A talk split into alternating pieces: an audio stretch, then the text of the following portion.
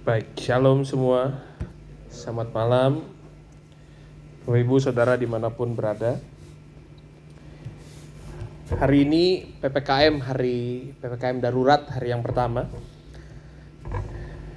Yang pada akhirnya em, ada banyak respon daripada orang-orang di sekitar kita, masyarakat sekitar kita dan yang lainnya. Dan em, segala sesuatu selalu ada positif dan negatif, pro dan kontra. Tapi satu yang harus kita terus ketahui adalah seperti lagu yang tadi kita nyanyikan, kita harus mengetahui bahwa Bapa memelihara kita. Amin. Dia itu baik buat setiap kita. Mari terus belajar di hari-hari yang ini meskipun apa yang kita dengar adalah kata darurat, mencekam, semua kembali dibatasi, semua kembali tidak diperbolehkan. Ada orang-orang yang mulai tadinya sudah berangsur membaik, tapi karena kemudian harus dibatasi maka harus kembali. Ada yang tertunda lagi, ada yang harus kehilangan sesuatu lagi, ada yang harus mundur kembali. Ada hal-hal yang berubah, tapi satu yang tidak pernah berubah adalah Tuhan memelihara kehidupan kita. Amin, Bapak Ibu semuanya. Tuhan memelihara kehidupan kita. Nah, saya mempercaya bahkan di saat-saat seperti ini pun, maka Tuhan tidak pernah berubah. Dia tetap baik buat setiap kita. Bahwa apa yang terjadi saat ini bukan berarti seakan-akan iblis menang, seakan-akan setan berkuasa, seakan-akan penyakit menjadi merajalela. Ya, mungkin faktanya, realitanya kita melihat seperti itu. Tapi ada satu fakta yang kita harus percaya dan itu nggak pernah berubah dalam kita adalah Tuhan itu baik buat setiap kita. Nah, hari ini kita akan belajar dari satu ayat Alkitab, Amsal pasal yang ke-23 ayat yang ke-7. Amsal pasal yang ke-23 ayat yang ke-7 di mana dikatakan sebab seperti orang yang membuat perhitungan dalam dirinya sendiri, demikianlah ia. Seperti orang yang membuat perhitungan dalam dirinya sendiri, demikianlah ia. Nah, dalam beberapa terjemahan yang lain dikatakan seperti ini, sebab seperti orang berpikir dalam jiwanya, demikianlah ia membuat perhitungan dikatakan berpikir dalam jiwanya. Nah, Bapak Ibu, hari-hari ini saya mau mengajak kita sama-sama belajar bahwa kita harus mulai melatih pikiran kita. Berpikir dalam jiwa kita. Kalau kita nggak melatih berpikir dalam jiwa kita, maka kita akan menjadi orang yang di tengah situasi yang nggak menentu seperti ini. Oke, kita mendengar kabar hanya sampai 20 Juli. Tapi ada ada ada isu-isu yang beredar kembali. Pasti nanti akan diperpanjang dan yang lain sebaliknya. Tapi mari di tengah media, berita, informasi yang kita dengar, kita harus memperhatikan apa yang kita pikirkan dalam jiwa kita. Kita harus memperhatikan apa yang kita pikirkan dalam jiwa kita. Nah, eh, beberapa terjemahan yang lain dikatakan seperti ini, berpikir dalam jiwanya, berpikir dalam hatinya. Bapak Ibu, jaga betul-betul jiwa kita. Kita harus memperhatikan ini sungguh, jaga betul-betul jiwa kita. Saya mempercaya di dalam hati yang dijaga akan selalu ada kehidupan yang mengalir keluar di sana. Nah, em, kata membuat perhitungan, berpikir dalam jiwa itu muncul dari sebuah kata Yunani sawar. Muncul dari sebuah kata dalam bahasa Yunani sawar yang mempunyai arti to act as a gatekeeper. Untuk bertindak sebagai penjaga pintu Bapak Ibu.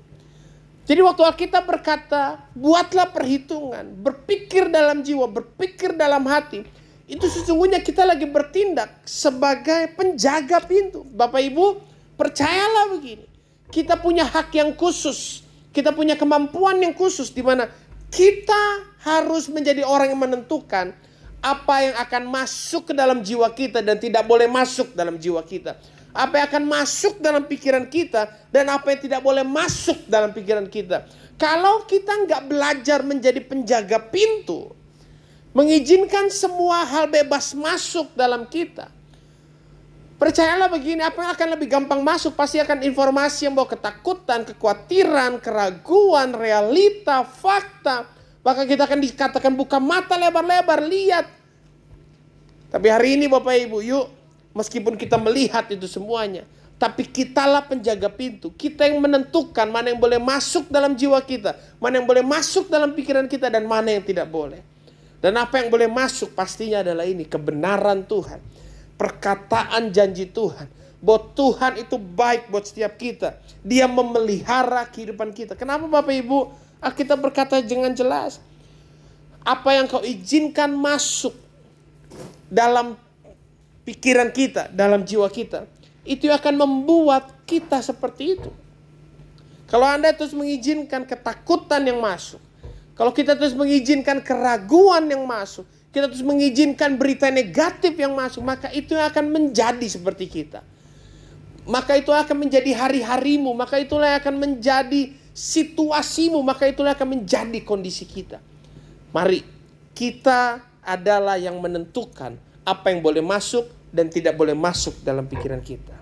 Nah, Bapak Ibu, mari sama-sama kita perhatikan ini bahwa apa yang menjadi apa yang memenuhi pikiran dan jiwa kita, apa yang memenuhi hati kita. Maka saya memastikan ini, itu juga yang akan mengel, akan keluar dari perkataan kita. Itu akan keluar dari mulut kita, itu akan menjadi perkataan kita, itu akan menjadi obrolan kita. Orang-orang yang isi jiwa dan pikirannya khawatir, maka ke mana pun dia berbicara dan ngobrol, pasti isinya kekhawatiran, kekhawatiran, ketakutan, ketakutan. Bapak Ibu, mari kita sadari, kadangkala pikiran kita itu membuat kita melepaskan nubuatan-nubuatan atas diri kita sendiri. Kadangkala pikiran tanpa kita sadari melepaskan doa-doa atas diri kita sendiri. Maka itu betul-betul kita harus memperhatikan pikiran kita kita berkata hari ini buat kita dengan jelas sekali. Apa yang kau izinkan masuk dalam kita, itu akan mempengaruhi kita dan menjadikan kita. Kenapa? Karena itu akan keluar lewat perkataan kita. Kita seakan melepaskan nubuatan-nubuatan atas diri kita sendiri. Saya percaya begini, kalau keluar dari mulut kita selalu firman Tuhan, kekuatan Tuhan, janji Tuhan, kebaikan Tuhan, maka apa yang keluar dari mulut kita itu akan menjadi seperti doa nubuatan atas diri kita. Dan Bapak Ibu, bukan hanya itu yang harus kita perhatikan.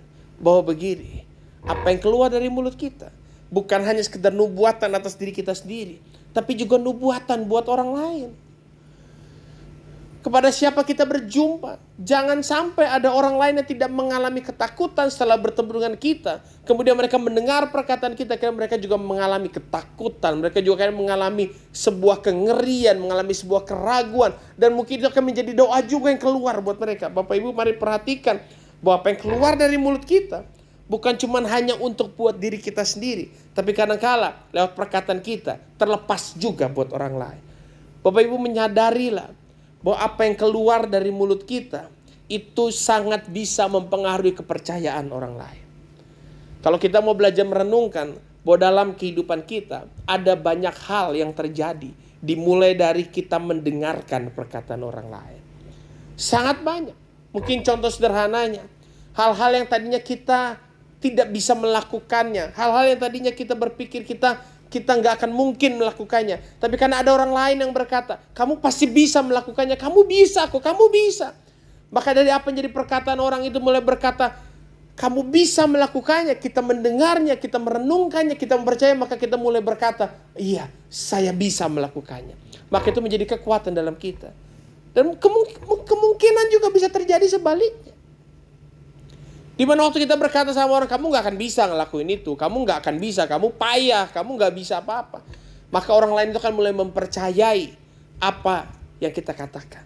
Nah mari Bapak Ibu, hari-hari ini, mari menjadi orang-orang yang membawa kabar baik. Menjadi orang-orang yang membawa nubuatan yang baik. Menjadi orang-orang yang membawa perkataan yang baik. Karena saya mempercayai ini waktunya bukan hanya kita bertahan buat diri kita sendiri. Tidak tidak, tidak. Saya selalu mempercaya di saat apa pun, di situasi apa pun, Tuhan selalu mau pakai kita untuk jadi berkat buat orang lain. Bapak Ibu, situasi ini percayalah bahwa Tuhan mengurapi kita. Tuhan memakai kita. Bukan hanya sekedar untuk bertahan atas diri kita sendiri. Tapi juga kita harus bertahan untuk orang lain. Bertahan untuk orang lain. Lewat apa? Hal yang paling sederhana lewat perkataan kita yang terucap untuk mereka. Dan bagaimana kita memperhatikan pikiran kita, memperhatikan perkataan kita, yaitu lewat apa? Lewat apa yang masuk dalam pikiran kita. Bapak Ibu, hari ini PPKM hari pertama. Akan masih ada belasan hari di depan kita menanti kita. Apa yang akan terjadi dan bagaimana situasinya, kita tidak bisa mengetahuinya.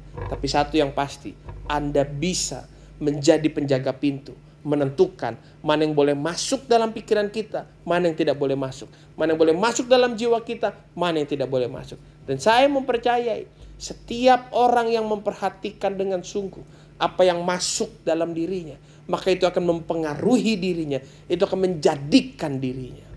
Maka saya mempercayai entah berapa hari, entah berapa lama situasi ini akan berlangsung, tapi orang-orang orang-orang yang memastikan Orang-orang yang mau berdiri menjadi penjaga pintu, menjaga apa yang boleh masuk dalam jiwanya, itu akan menentukan kemenangannya. Engkau pasti melewati ini semua. Kita pasti melewati ini semua sebagai seorang pemenang. Tuhan itu baik dan dia memelihara kehidupan kita. Haleluya. Amin.